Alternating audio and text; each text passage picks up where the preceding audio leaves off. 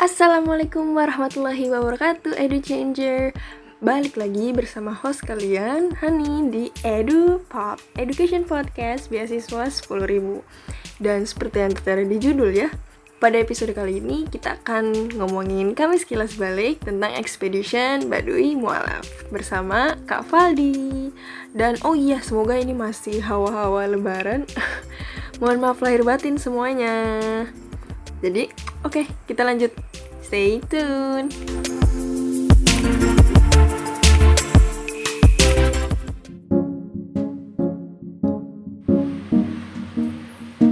Nah, Edu Changer sekarang kita udah bareng sama seseorang nih yang termasuk berperan di Expedition Baduy. Bener gak Valdi?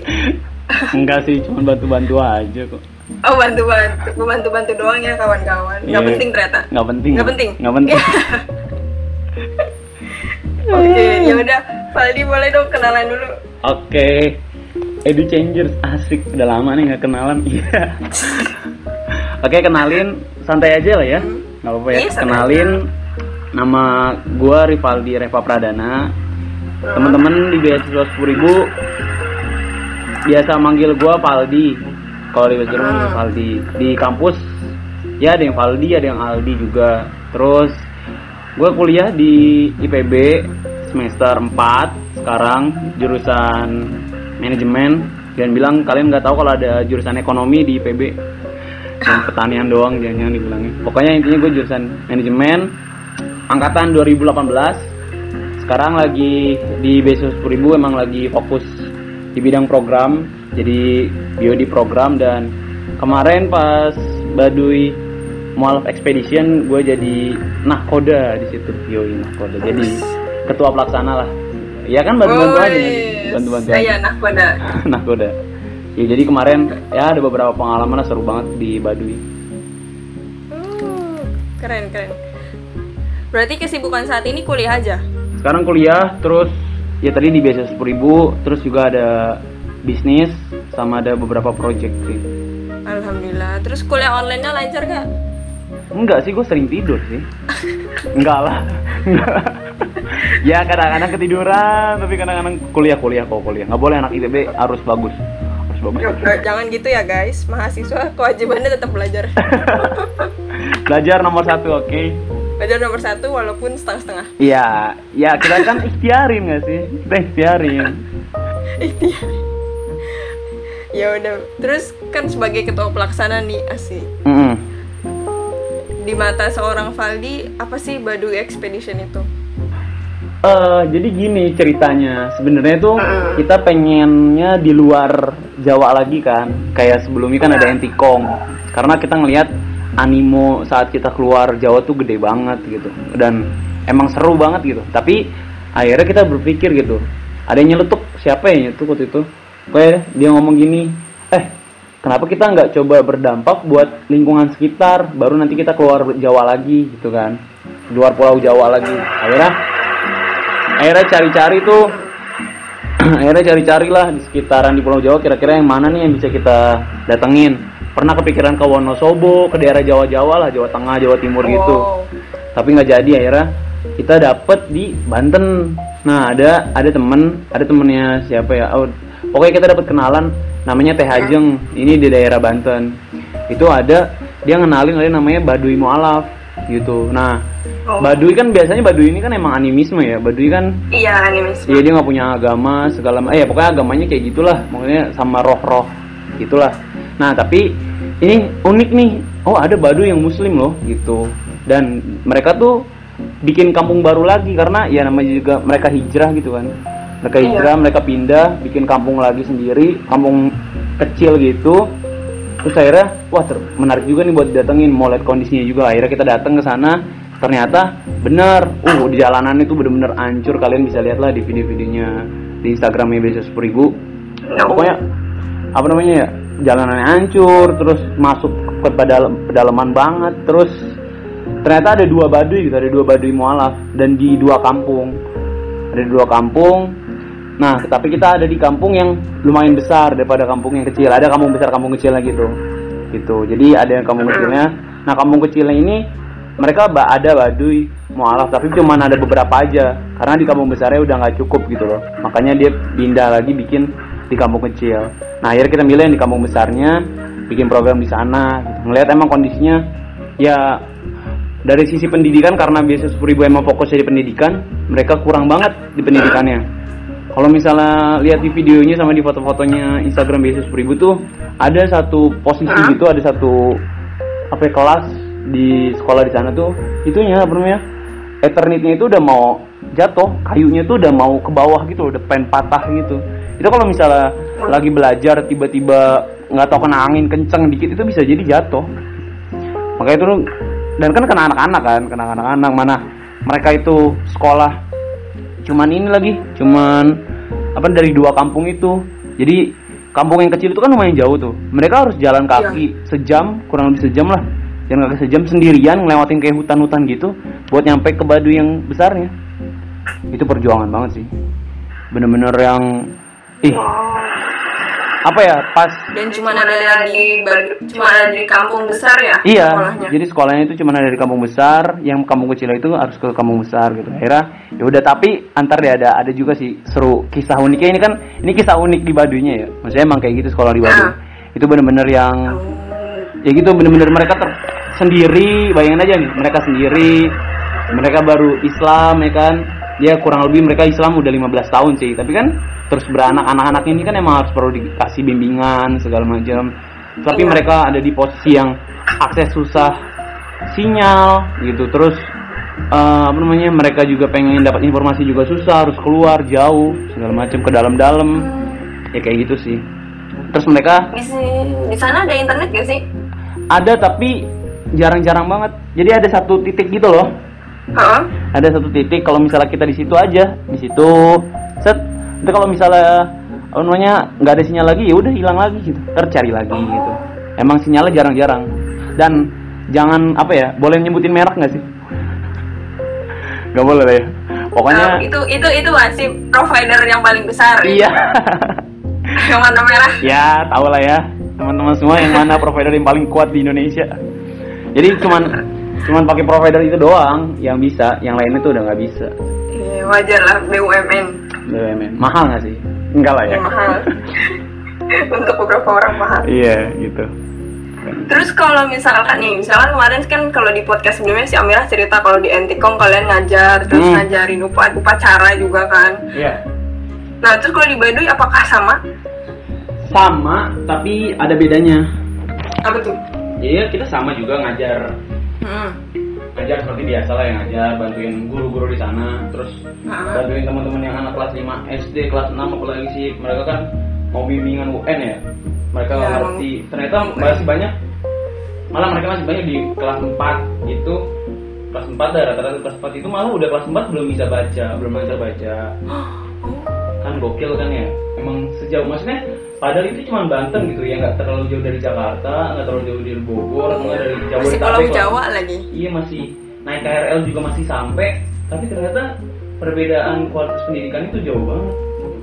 Mereka ya gitu belum bisa baca ada yang masih terbata-bata. Nah kita ngajar juga di sana terus kita juga bikin kerajinan kerajinan bareng warga juga di sana. Kan Yesus Prima bukan cuma di pendidikan doang ya sosial pendidikan. Jadi ada kegiatan sama masyarakatnya juga ada karena kemarin volunteer kita juga ada yang dari dokter dokter Unpad ada yang dokter gigi sama dokter masih kuliah semester berapa ya si Ayu? Semester 3 atau semester 4 jadi dia bisa tuh namanya ngasih edukasi tentang kesehatan sama masyarakat di sana. Kita bikin bikin kita bikin games games juga kayak 17 Agustus bareng warga di sana gitu biar makin dekat sama warganya. Terus eh, ya kita jelajahin jelajahin Baduy. Ini sih yang paling seru. Jadi kita jelajahin Baduy. Maksudnya sekitar situ apa sih potensi yang mereka bisa, mereka punya. Tapi sama mereka tuh mereka bingung ini tuh harus diapain gitu. Nah. Besos Peribu tuh punya punya apa ya? Punya satu peran penting juga. Kita tuh bukan cuma pengabdian di sana, udah pengabdian, pendidikan, terus ngajar segala macam, bla bla bla bla bla, main-main keluar, pulang selesai enggak. Sama kayak di Antikom kita juga apa ya? Apa masalah di sana nih, misalnya kayak di Baduy. Masalahnya mereka tuh buat ngelola sumber dayanya tuh mereka punya kayak banyak banget sumber daya sumber daya uh, hewani sama nabati itu mereka banyak gitu sebenarnya. Tapi mereka bingung ngolahnya harus kayak gimana. Nah, itu di riset lagi terus nanti ini dibawa ke pihak-pihak yang bisa nanganin itu gitu yang bisa ngebantu mereka kurang air tuh mereka kesusahan air jadi kalau misalnya kita pas volunteer di sana tuh ini loh Iya. mandi itu mandi itu kemungkinan sehari sekali sehari sekali.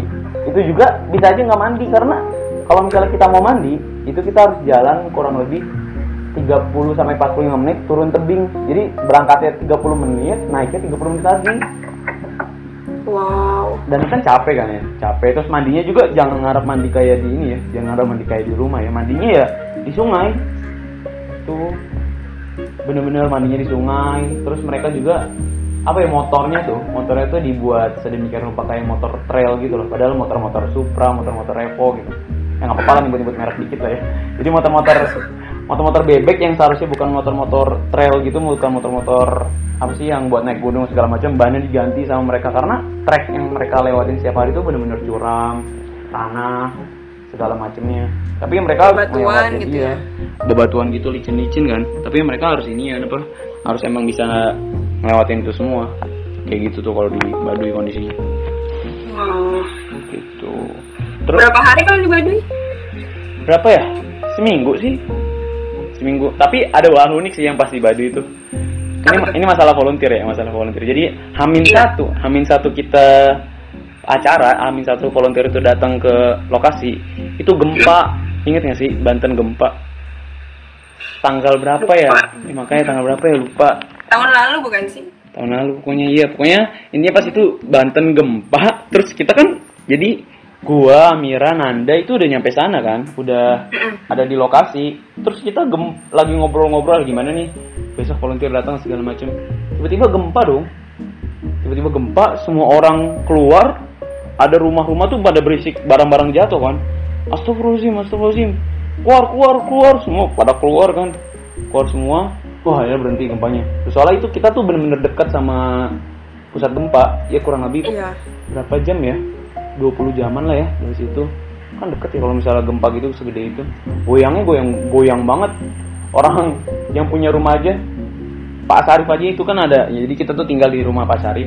Nah ini Pak Sarif nih bener-bener nolong bantu kita banget. Makasih banget Pak Sarif nih kalau Pak Sarif dengerin podcastnya. Bisa nggak ya denger ya? Jadi emang Bisa ya, insya Allah. emang dia tuh apa ya yang nolong kita banget ngasih fasilitas lah makanan lah segala macamnya. Mereka dia tuh jagain ini loh jagain. Jadi di rumah dia ada kayak apa ya lemari kaca gitu. Isinya tuh barang-barang koleksi dia. Maksudnya peninggalan peninggalan lama kayaknya sih. Kain kaca-kaca gitu lah yang gampang pecah. Mereka dia masuk datang dia datang ke rumahnya masuk terus dia nahan gitu. Biar itu nggak jatuh. Biar itu nggak jatuh. Soalnya emang itu barang-barang berharga dia banget sih kayaknya sampai kayak gitunya karena emang serem. Terus kita kan bingung ya ini ini apa namanya volunteer mau datang tapi gempa gimana? Kan ntar kalau misalnya gempa lagi terus ada apa-apa kita tanggung jawab juga kan sebagai panitia sebagai panitia pelaksana. Gitu kan. Hampir banget Baduy Mualaf Expedition tuh dibatalkan. Hampir banget di hari itu. Hampir banget. karena karena khawatir karena khawatir daripada daripada nggak selamat kan. Tapi akhirnya yaudah yuk kita Bismillah aja kita ngomong ke volunteer kita terus terang aja apa yang terjadi di sini biar mereka juga ada gambaran. Akhirnya ada satu volunteer yang mundurin diri karena orang tuanya nggak ngebolehin. Nggak ngebolehin. Ya nggak apa-apa sih itu kan keputusan dia ya maksudnya. Iya. Ya, karena kondisi juga kayak gini kita juga nggak bisa bohong emang kayak gini. Kita juga nggak tahu ke depan tuh kayak gimana tapi alhamdulillah kok ini buktinya masih bisa ngomong kan? Jadi aman-aman. Aman-aman aja sih alhamdulillah. Selama kita punya niat baik insya Allah Allah juga ngasih jalan yang terbaik kok. Itu sih palingan Kayaknya gini gak sih, kalaupun misalkan pada saat itu ngebohong juga nggak mungkin kan masuk berita. iya makanya ngapain juga bohong? Orang tiba-tiba ya maksudnya di grup di grup volunteer langsung pada rame langsung "Eh, ini gimana dong ini gimana ini gimana gitu kan. Ya udah akhirnya kita dari panitia pelaksana nenangin nenangin terus ya udah kita terus terang ini kayak gini gini gini kondisinya. Buat teman-teman yang emang udah ngomong sama orang tuanya dan nggak boleh berangkat ya udah nggak apa-apa nanti konfirmasi kita lagi kayak gimana nya tapi kalau teman-teman yang mau berangkat besok kita tunggu juga di stasiun Rangkas Bitung. Eh cuman satu kok yang nggak dibolehin ternyata. Yaudah alhamdulillah kan berarti yang lainnya boleh-boleh aja gitu. Iya, alhamdulillah. Jadi pada naik KRL. pada naik KRL soalnya kita iya stasiun kita tuh uh, titik pertemuannya di stasiun Rangkas Bitung Terus ke kampungnya naik apa? Oh, ini seru nih. Jadi ada thank you banget nih buat Jeep Jakarta Community. Yo, itu Wih. dia yang sponsorin kita buat. Jadi kita tuh pulang pergi dari Rangkas Bitung. Rangkas Bitung berangkat ke Baduy Mualafnya dan Baduy Mualaf pas pulangnya dijemput lagi ke Rangkas Bitung itu free dibantu sama teman-teman dari Jeep Jakarta Community. Mereka apa yang nolong kita banget. Mereka nyediain Jeep, kan keren ya, seru banget. Kayak Wow. ya pokoknya dari dari Rangkas Bitung itu perjalanan kurang lebih berapa jam ya? 4 jaman lah 4 5 jaman. 4 jam sih kayaknya. 4 jam set kita naik jeep. Ya jeepnya yang ini loh yang terbuka bener-bener seru banget. Emang apa ya kayak adventure banget gak sih? My life, my adventure. Jadi biasanya kan kalau misalnya waktu itu kita di Entikong kan datang di datang di stasiun apa sih stasiun Pontianak tuh apa? Pokoknya di, di stasiun bandara di bandara. Kok stasiun sih? Di bandara. Iya makanya stasiun Pontianak di mana? Iya kan di bandara kita langsung dijemput sama ini kan bis bis kampus gitu lah bis kecil kampus gitu. Terus dianterin ke daerah perbatasan ke perbatasan pertigaan gitu. Itu itu lama juga tuh kayak Antikong tuh 8 jam 7 8 jam tuh. Empat empat tuh di bis. Orang kanan kirinya juga cuma kelapa sawit kelapa sawit kelapa sawit gitu. Nggak ada apa-apa tapi seru sih dua-dua ini mempunyai ceritanya masing-masing Asli. gokil gokil. Total volunteer sama panitia berapa orang? Total volunteer, wait wait, lupa banyak banget soalnya. Enggak sih, enggak banyak banyak banget. 25 pergilaan sih. Oh sekitar 20-an orang ya? Sekitar 20-an orang lah. Ya volunteer. Jadi op volunteer open daftarnya kapan? Tuh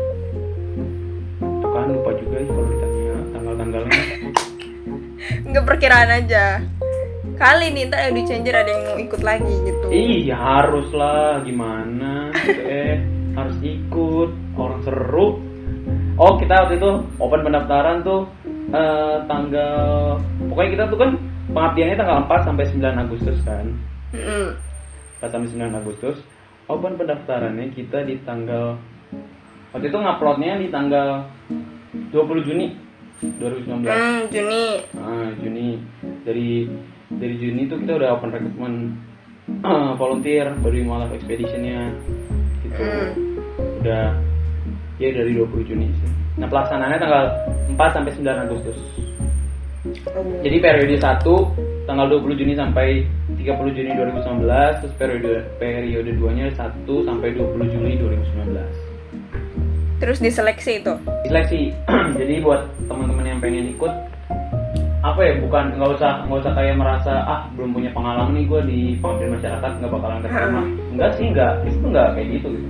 Emang kalau misalnya kalian punya kemauan yang tinggi terus niatnya baik mau ngabdi ya udah daftarin aja kasih kasih apa ya kasih penguatan ke kita. Kalau misalnya emang kalian tuh layak gitu buat ikut gabung dan kasih kontribusi terbaik ke desa atau daerah yang nantinya kita tuju pokoknya ekspedisi selanjutnya bakalan lebih seru lagi pokoknya sebenarnya bukan sebenarnya bukan lebih seru sih tapi setiap ekspedisi itu pasti punya kisahnya masing-masing gitu orangnya terus teman-teman volunteernya panitianya tempatnya kan beda ya Iya. nggak bisa nggak bisa kita bilang kayak oh ini lebih bagus ini lebih enggak tapi emang punya apa ya story-nya Punya chapter masing-masing. ceritanya masing-masing Iya gitu lah ya. story-nya masing-masing tuh khasnya masing-masing tuh ada dan pasti seru pasti seru. Soalnya apa ya karena kita tuh anak muda semua jadi tektokannya enak bercandanya walaupun kita sambil volunteer volunteer sambil pengabdian tuh merasa kayak sama sahabat sendiri gampang kenal gampang akrab gitu. Itu kelebihan dari Besus Primus sih itu sih. Jadi karena kita emang semuanya dikelola sama anak-anak muda ya masih sekitar umur 20-an masih pada kuliah Mm-mm.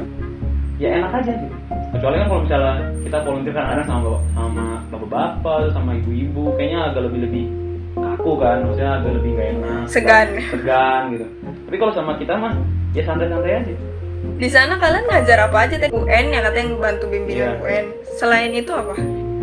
kita ngajar per ini sih kita jadi pertama kalau misalnya di bisnis pribu itu kita ngomong dulu sama apa sama guru di sana misalnya anak kelas satu dua tiga empat lima enam Hmm. itu kayak gimana pembelajarannya dulu sampai mana terus apa yang bisa kita bantu gitu. Nah akhirnya udah ada koordinasi kayak gitu ya udah nanti beda-beda. Misalnya kelas satu harus belajar apa kelas dua harus belajar apa kelas tiga empat lima enam juga belajar apa sesuai sesuai sama kebutuhan mereka saat itu tuh apa. Nah kita di situ fungsi kita tuh emang bukan sebagai pengganti guru sebenarnya tapi lebih lebih ke arah kita lebih ngebimbing mereka gitu. Gitu. Sebagai fasilitator iya gitu ya. fasilitator mereka.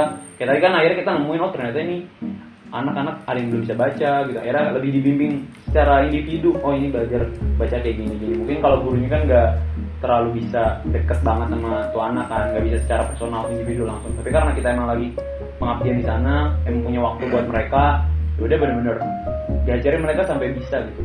Belajarnya gitu bacanya gitu.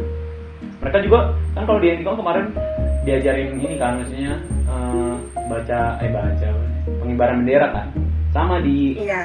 Di Baduy juga. Di mereka mereka udah pernah tapi udah lama banget. Udah lama banget. Udah berapa periode gitu udah nggak pernah lagi ngibarin bendera merah putih. Kita ajarin lagi. Ya sekali lagi ini kan ya beasiswa beasiswa sepuluh ribu kan hadir emang untuk Indonesia kan? Iya. Jadi beasiswa sepuluh ribu hadir untuk Indonesia ya? Ya buat apa kita di sana tapi nggak bisa kasih nilai-nilai Indonesianya. Nah dari situ sih kita emang pengen ngingetin bahwa ya kita ini sama sama ada di satu negara di negara Indonesia tercinta ya kita dari upacara itu kayak ya simbolnya kalau kita emang sayang sama Indonesia gitu. Salut. Terus kalau misalkan kekurangan dari desa itu apa ada nggak? Kekurangan dari desanya ya? Mm-mm. nih namanya pertama emang tadi air mereka tuh susah banget air. Mm-mm. mereka air ya tadi pokoknya dia mandinya harus ke bawah ngambil bawa jerigen-jerigen gitu atau enggak galon-galon gitu. Galon nih Iya. bukan air minum tapi emang air buat mandi segala macam itu terus akses lokasi jalannya hancur lebur hancur lebur. Kalau misalnya basah kalau hujan itu bener-bener yang susah banget orang lewat. Itu apa ya? Mungkin gue juga nggak tahu ya pemerintah tuh pemerintah tuh ngelihat itu atau enggak atau udah ngelihat tapi mungkin emang masih perencanaan segala macam kan banyak kan ada penganggarannya ada budgetnya segala macam kita kan juga nggak tahu ya. Tapi emang benar-benar belum kayak tersentuh banget sama pemerintah. Jadi mereka tuh pernah juga udah pernah disentuh sama pemerintah. Tapi pemerintahnya cuma datang doang sekali. Terus udah nggak pernah datang datang lagi. Cuman kayak survei terus nggak datang datang lagi. Nggak ngebantu apa-apa lagi gitu di situ. Mereka bilang gitu. Terus tenaga medis di sana juga. Jadi kurangnya tuh kalau tenaga medis mereka harus keluar dari desa itu. Ya kurang lebih sejam lah ya buat nyampe ke puskesmas. Karena kalau misalnya di desanya sendiri belum ada puskesmasnya terus tenaga medis tuh datang kadang-kadang cuman dua bulan sekali atau nggak tiga bulan sekali gitu. Nggak ada jadwal rutin mereka datang buat ngecekin kesehatan warga. Tuh palingnya dan ini sih kita sih kalau misalnya lebih apa ya gue sih lebih emang ya daerah sih emang kayak gitu ya. Mungkin emang udah ter ter apa ya ya jauh dari apa-apa. Akhirnya ya sinyal nggak ada segala macam nggak ada gitu gitulah biasa sih maksudnya emang namanya juga desa 3T ya kayak gitu kan kondisinya. Emang nggak pas lah nggak pas lah gitu. Emang nggak bagus gitu. tapi gue lihat dari sumber dayanya sih dari sumber daya manusianya mereka juga kurang. Rata-rata di sana tuh cuman lulusan SD gitu. Cuman lulusan SD sih paling banyak. Tapi alhamdulillahnya tuh sekitar udah 2017an 2018 2019 gitu mereka udah mulai melek tuh. Mereka tahu gimana caranya biar anak-anak mereka bisa eh, sekolah keluar daerah gitu. Pakai beasiswa Iya. gitu. Jadi mereka apa ya eh, kerjasama sama yayasan apa segala macam gitu itu dia bisa ngeberangkatin tuh anak buat nyantren di mana gitu ikut pesantren di luar daerah gitu. Udah ada beberapa kok yang lulusan SD situ akhirnya ikut pesantren keluar keluar dari daerah situ gitu buat lebih belajar lagi. Ada nah anaknya Pak Sarip ini juga anaknya Pak Sarip si Teh Siva juga ini apa namanya udah udah kuliah. udah kuliah malah udah kuliah mereka dia udah kuliah udah keluar dari daerah itu gitu. Pasal juga udah punya kakak, eh punya kakak punya anak juga udah kuliah gitu. Jadi emang udah mulai melek sih sama pendidikan gitu. Tapi gitu karena kalau SD-nya fasilitasnya emang masih kurang banget. Orang ini kalau kelas itu ini loh, jadi kelas cuma ada tiga, terus ya udah digabung, jadi kelas 1 sama 2 digabung, 3 4 digabung, 5 6 digabung. Terus dipisahinnya sama Oh, iya. iya, jadi dipisahinnya cuma sama itu apa sih kan papan tulis ya? Udah dibelah dua aja di Iya. garisin gitu, kapur. Set. ini kelas 4 ini kelas 5 gitu atau enggak eh, ini kelas 3 ini kelas 4 gitu ini kelas 1 ini kelas 2 ini kelas 5 Wow. kelas 6 gitu kan kasihan ya Rame banget dong berarti ya. iya bener-bener yang ya Allah kayak gitu aja terus kita bantu kita bikin juga di sana perpus gitu perpus kecil gitu perpus mini buat mereka. Kan kita kan bawa barang-barang donasi kan. Iya. jadi banyak banget buku-buku yang udah makasih juga nih teman-teman Edu Changers Asik. thank you parah gitu, udah ngasih buku-buku waktu itu donasi. Emang pokoknya apa pun yang kalian kasih di BC 10 ribu tuh kita bakalan insya Allah akan kasih salurin ke hal yang tepat gitu. Itu emang buat kebermanfaatan buat orang lain juga bukan buat kita gitu. Membuat orang lain. Misalnya dalam bentuk uang dalam bentuk buku apa makanan segala macam kalau misalnya kita lagi ngadain open donasi buat pengabdian itu semua insya Allah kita salurin dengan baik gitu. itu sih Pahalanya juga jadi jalan ya. ya pahala buat mereka teman-teman yang udah donasi sama ya kita yang jadi pelaksana di situ gitu jadi perantara kita kan nggak modal ya kita nggak punya uang jadi ya udah kita jadi perantara aja gitu. Ada ada modalnya tahu energi. oh iyalah energi bang Terus kalau dari Valdi sebagai ketuplak nih, dari dari tujuh hari tadi ya, Iya dari semua tujuh hari itu yang kegiatan yang paling disukain dah apa tuh? Kok ah, apa sih maksudnya kayak ya gue tahu semuanya seru gitu, tapi apa sih yang paling seru gitu? gue sih selalu nunggu ya di pengabdian dari yang Tikom terus Baduy itu tuh paling seru kalau misalnya nunggu yang paling seru banget itu Mm-mm. eh, ininya apa sih explore daerah itu di samping di samping ngajar ya itu ngajar paling paling seru sih. Karena kalau misalnya lu ngajar tuh lu deket sama anak anak kecilnya. Tapi kalau misalnya apa ya gue gue tuh di Baduy dulu deh. Kayak kalau ntar lah ya kalau misalnya kita ketemu terus tanya sama teman-teman di sepuluh ribu yang lain di Baduy Mm. itu gue udah kayak ini loh udah anak-anak tuh semuanya ngumpulnya di gua gitu. Nyarinya gua. Soalnya gue yang pertama kali datang mungkin ya pertama kali sama Amira sama Nanda. Iya, jadi Terus mungkin lebih akrab lebih ya. akrab. Terus yang cowok gue sendiri ngerti nggak sih gue sendiri terus yang deketin semua juga anak-anak cewek gitu. Ya, tapi emang lucu sih lucu banget. Nah Kak terus- Valdi, Kak Valdi gitu iya ya. iya bener. Ah Valdi mah gini-gini kan. Gue jarang ajar sumpah pas di Bali sebenarnya gue agak agak kurang ajar agak kurang ajar. Agak agak jarang ngajar agak jarang ngajar. Karena karena gue kan harus bolak balik ya. Bolak balik ngambil air misalnya terus atau enggak ke mana gitu ngurusin sama Pak RT Pak RW gitu loh. Gue jarang bener-bener yang ke kon apa langsung keterjun ke sekolah segala macam gitu. Jarang. Karena udah pembagian tugas-tugasnya karena gue tetap di sana karena gue ngontrol kan. Oh ini harus baik ini harus baik jalannya harus kayak gini harus kayak gini.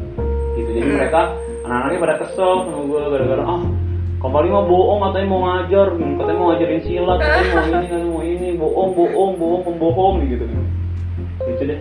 Nah tapi paling seru emang pas kita explore daerah itu sih. Itu bener-bener ya kita ngelihat akhirnya oh iya ternyata Indonesia tuh luas ya. Indonesia tuh masih banyak potensi alam yang belum dimanfaatkan dengan baik gitu.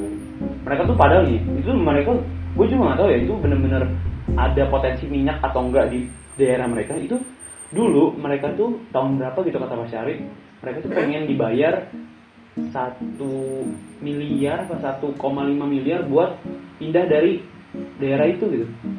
1,5 miliar atau satu triliun gitu. Pokoknya pengen dibayar sama perusahaan apa perusahaan asing gitu buat mereka pindah dari daerah itu karena daerah itu mau dijadiin tambang gitu. Tapi mereka nggak mau. Oh, tapi mereka nggak mau. makanya potensinya tuh katanya emang besar banget di situ gitu. Tapi karena kita masih ilmunya masih cetek terus kita juga masih terus belajar ini kita juga bingung gitu. Tapi kita udah udah coba advokasi ke orang yang lebih paham tentang sama hal itu sih. Biar orang itu yang coba apa ya teliti lagi kira-kira di daerah itu ada apa. Emang udah pemandangan bagus sawahnya tuh bener-bener luas banget gitu. mereka tuh gini loh mereka punya konsep gini. Ada namanya Pak Pak E Pak Eko kayaknya. Jadi dia bilang kita tuh kita tuh sebenarnya uang tuh dikit sebenarnya uang tuh dikit. Mm. tapi kan kita tuh bisa makan setiap hari karena kita tuh punya ladang. Jadi hampir setiap orang di di situ tuh setiap kepala keluarga pasti punya lahan gitu. Jadi seenggaknya mereka beras tuh nggak beli. Tinggal panen ya. iya sama kayak di Anticom gitu kan kita agak-agak malu ya. Jadi kita bawa donasi kayak beras segala macam. Padahal mereka berasnya lebih bagus daripada kita. Malah kita pas datang pas survei datang ke warga rumah warga sekarang silaturahmi gitu malah kita pulang-pulang kasih beras. Wow. kan ngakak ya jadi kita udah bawa sosokan bawa beras sosokan mau donasi. Saya nyampe sana eh maaf maaf saya lebih banyak beras ya di rumah. Sumpah karena mereka bener-bener yang apa ya bener-bener masih masih fresh banget kok orang dia ngambil dari ladang mereka sendiri. Itu kan ngambil dari ladang mereka sendiri. Enak ya jadi makan tinggal ngambil. Iya putihnya bener-bener putih bersih nggak ada mungkin kan kalau kita kan beli dari orang gitu nggak tahu itu kan ada pemutih segala macam. Tapi kan ini kan dia mereka ngambil dari sendiri bener-bener yang bersih berasnya.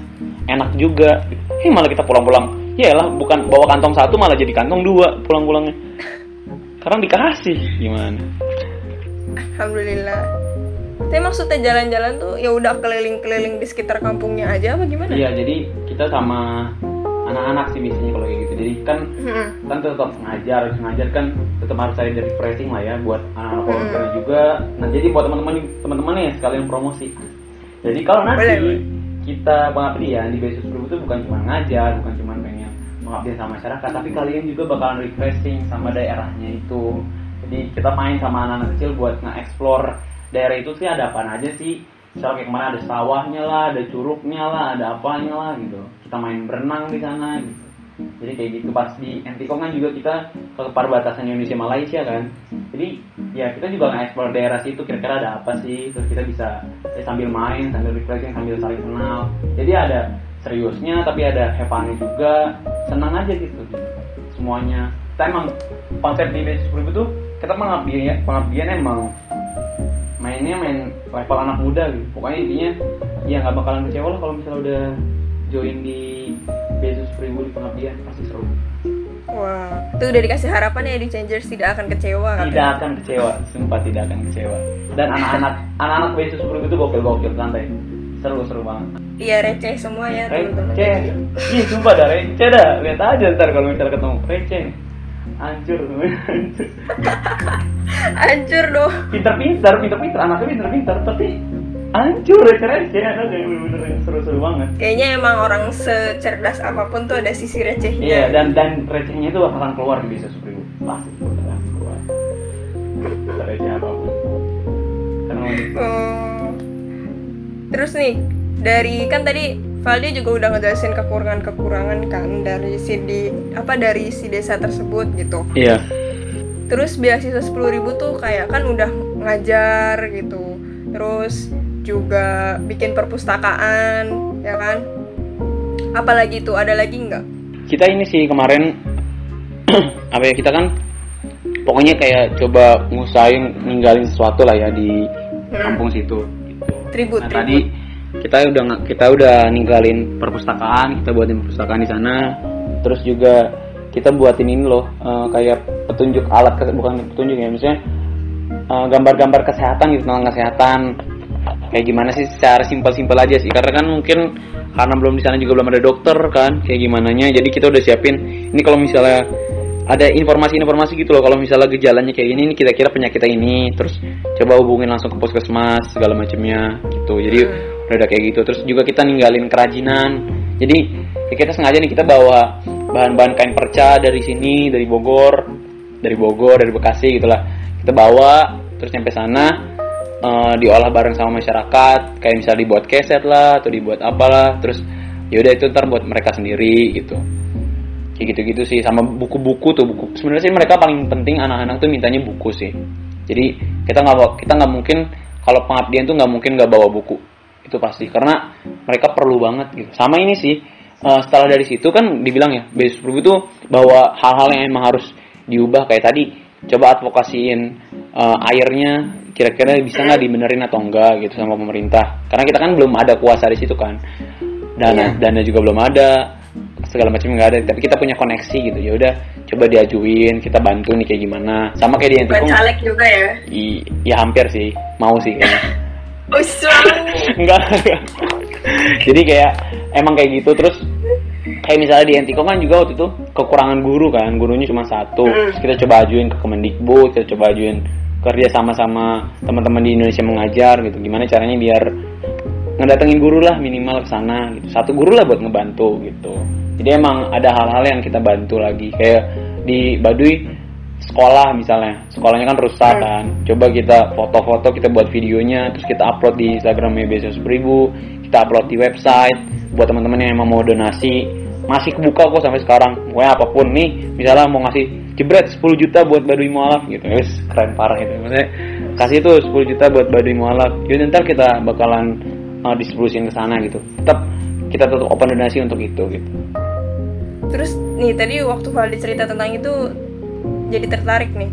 Jadi dengan kalian datang ke situ tuh malah bisa ini ya apa kayak kolaborasi dengan yayasan-yayasan lain gitu. Karena kalian ngelihat kondisi di sana jadi share ke kayak platform-platform platform yang ngajar-ngajar juga lah atau pengabdian juga gitu ya. Iya, jadi kan ya sebenarnya kan kayaknya teman-teman di komunitas lain gitu atau nggak di organisasi lain, yayasan lain tuh bukan saingan kita kan, tapi kan emang kita kan kolaborasi kan intinya. Saat kita emang nggak bisa menuin hal itu, ya coba. Karena gini loh, sebenarnya yang paling penting saat pengabdian itu ya tadi informasi itu. Jadi saat kita datang ke daerah itu, kita bisa ngulik sedalam-dalamnya apa masalah mereka, tanya sama warga di sana, potensi mereka apa yang mereka belum bisa kelola, kita dapat infonya, kita raup tuh infonya. Karena tadi ya kita kan masih di kalangan akademisi kan. Teman-teman kan semuanya mahasiswa rata-rata kan. Ya pemikirannya udah lebih maju lah. Saat itu udah ada data-datanya kita udah punya jadi kita udah punya database-nya. Baru tuh kita coba ajuin ke orang-orang lain gitu. Misalnya kayak tadi kita butuh guru. Wah siapa nih yang yang bisa menuin itu? Jadi kerjasama itu secara horizontal sama vertikal gitu. Vertikalnya emang ke pemerintah horizontal tuh ke ya teman-teman yang bergerak sama di organisasi yang kira-kira emang masih di range yang sama gitu. Kayak tadi kan teman-teman Indonesia mengajar ada juga seribu guru gitu. Jadi ya udah kita kolaborasi bareng-bareng buat ngebangun pendidikan Indonesia kan kita juga datang di sini kita mungkin walaupun dari ada berbagai organisasi yang berbeda tapi tujuan kita kan sama gitu membangun membantu pemerintah membantu semua orang untuk tadi ngembangin lagi pendidikan Indonesia biar anak-anak Indonesia bisa lebih cerdas bisa lebih baik akhlaknya dan segala macamnya karena kolaborasi adalah kunci. Yes, the collaboration is the key. Anjas. Mantap. Oh iya, terus gini, tadi kan uh, ini pasti dong tentang sosial dan pendidikan gitu. Mm -hmm. Terus tadi Valdi juga udah nyebutin salah satu volunteer juga ada yang backgroundnya kedokteran. Terus kalau misalkan edu changer ada yang mau daftar tapi kayak ya background gua bukan ini ini ini gitu, gimana? Ih, nggak apa-apa, nggak nggak ini sih, nggak nggak ada ya kan tadi kan cuma jadi ini ya cuma jadi cuma kasih tahu aja waktu itu ada kedokteran yeah. kemarin pas di Antikon juga nggak ada kedokteran kok nggak ada kedokteran jadi apa pun background kalian ya gua aja anak manajemen gitu. Anak ekonomi. Yang masih nyambung yeah. sih anak bisnis lah. Maksudnya emang ngurus ini perusahaan kan ngurus ini company. Nggak ada ngaruh-ngaruhnya sama pengabdian sebenarnya. Tapi emang kita suka gitu kita mau.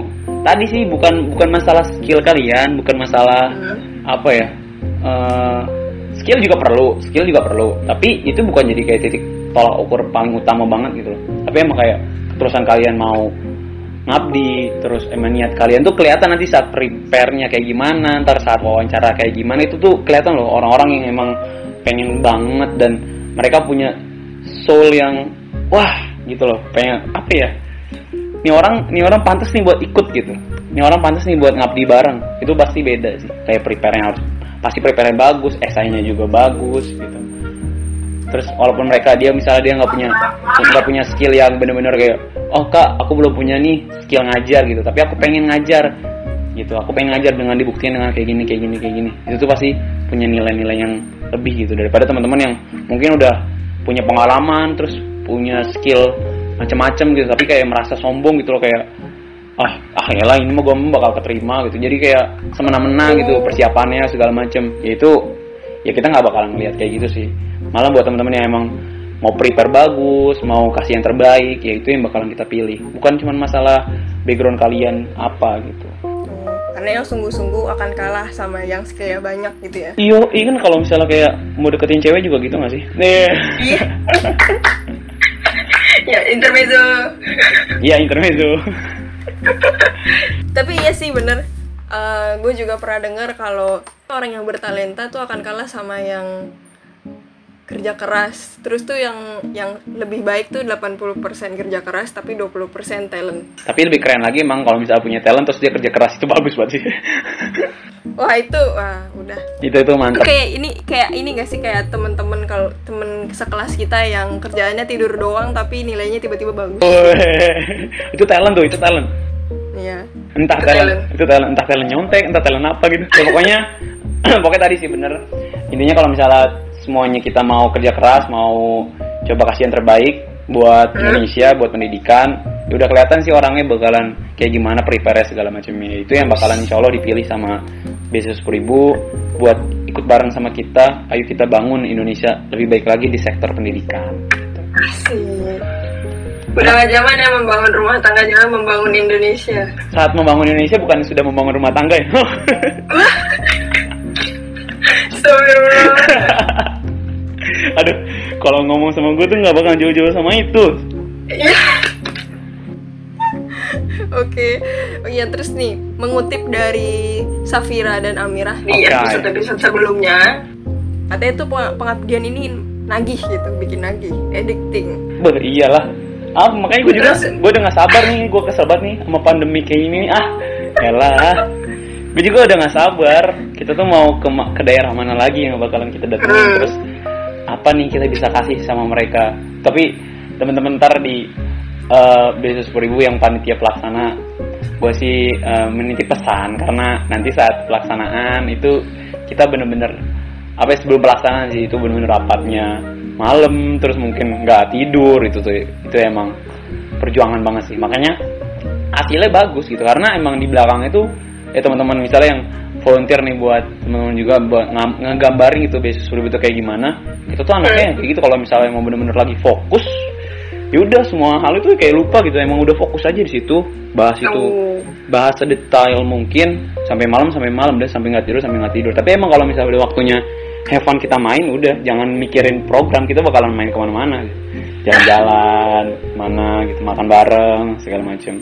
Itu jadi ya gitu emang persiapan itu prepare-nya parah sih banget banget gitu.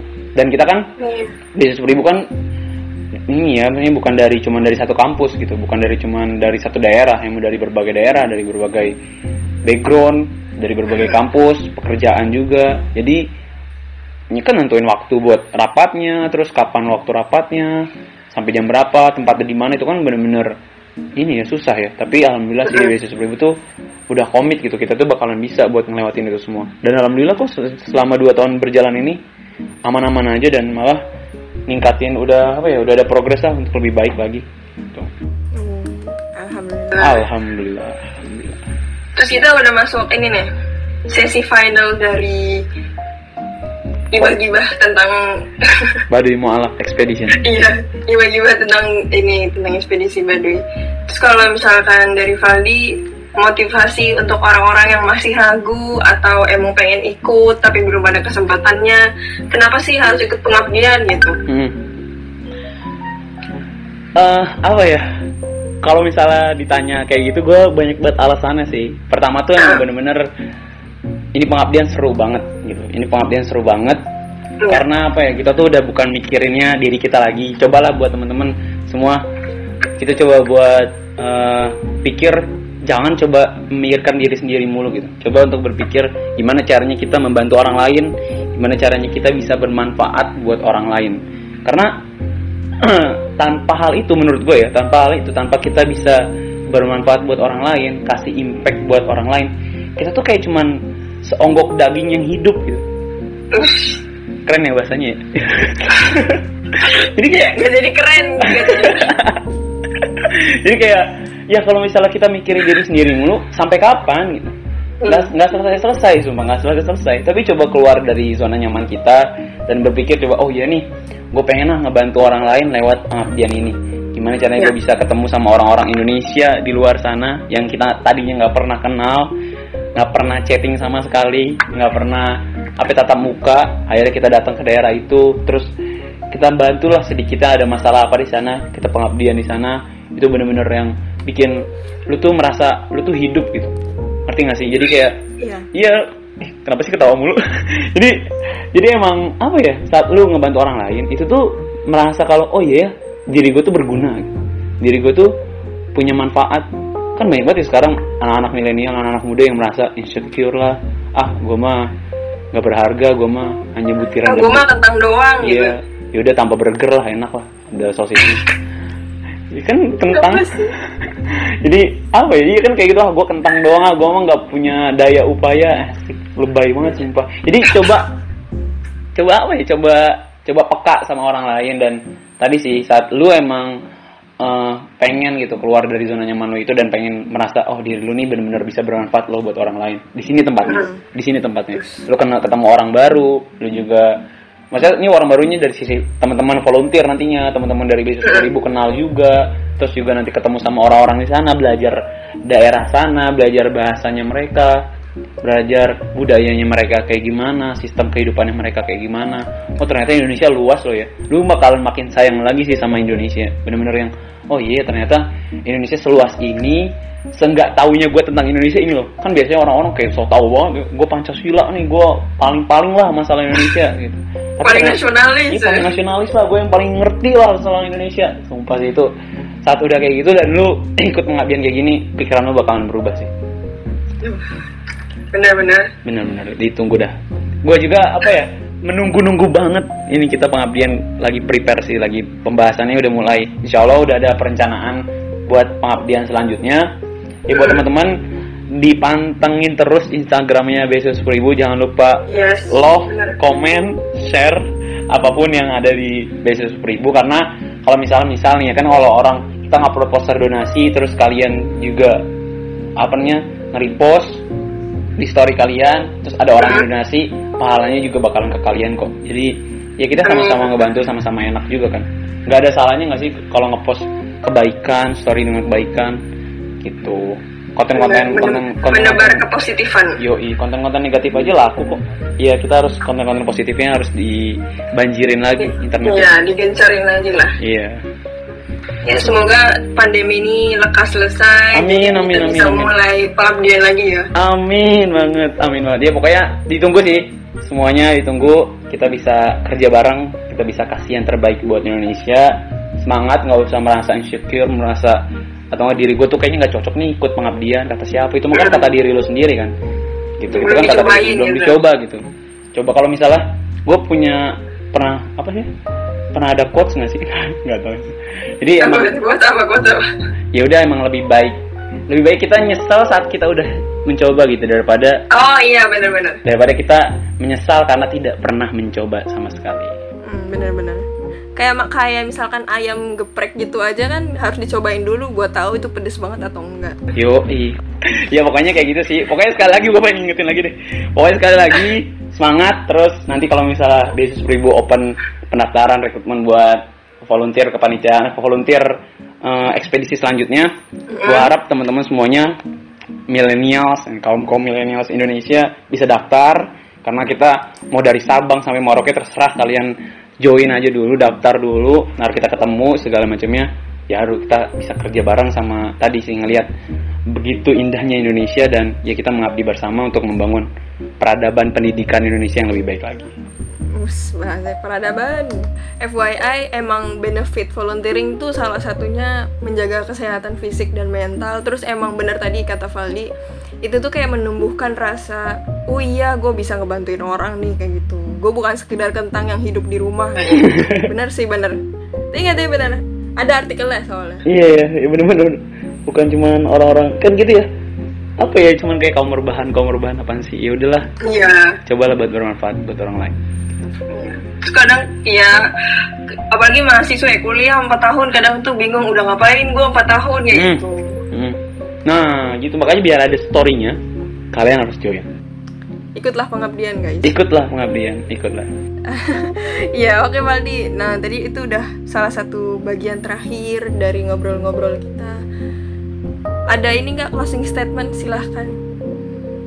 Nggak closing nggak closing statement statement banget sih ya nggak apa-apa. Gitu lah pokoknya intinya intinya buat teman-teman uh, yang mau nanti gabung di ekspedisi selanjutnya jangan pernah takut buat coba jangan pernah takut ya pokoknya jangan pernah merasa gue tuh nggak mampu tapi coba dulu kasih yang terbaik buat beses Pribu. Liatin kalau kalian tuh emang bener-bener sungguh mau gabung bener-bener sungguh-sungguh pengen ya nih pengen join ya insya Allah kalau misalnya emang kalian niatnya tulus terus kemampuan kalian ada kalian ma mau gitu buat berkorban.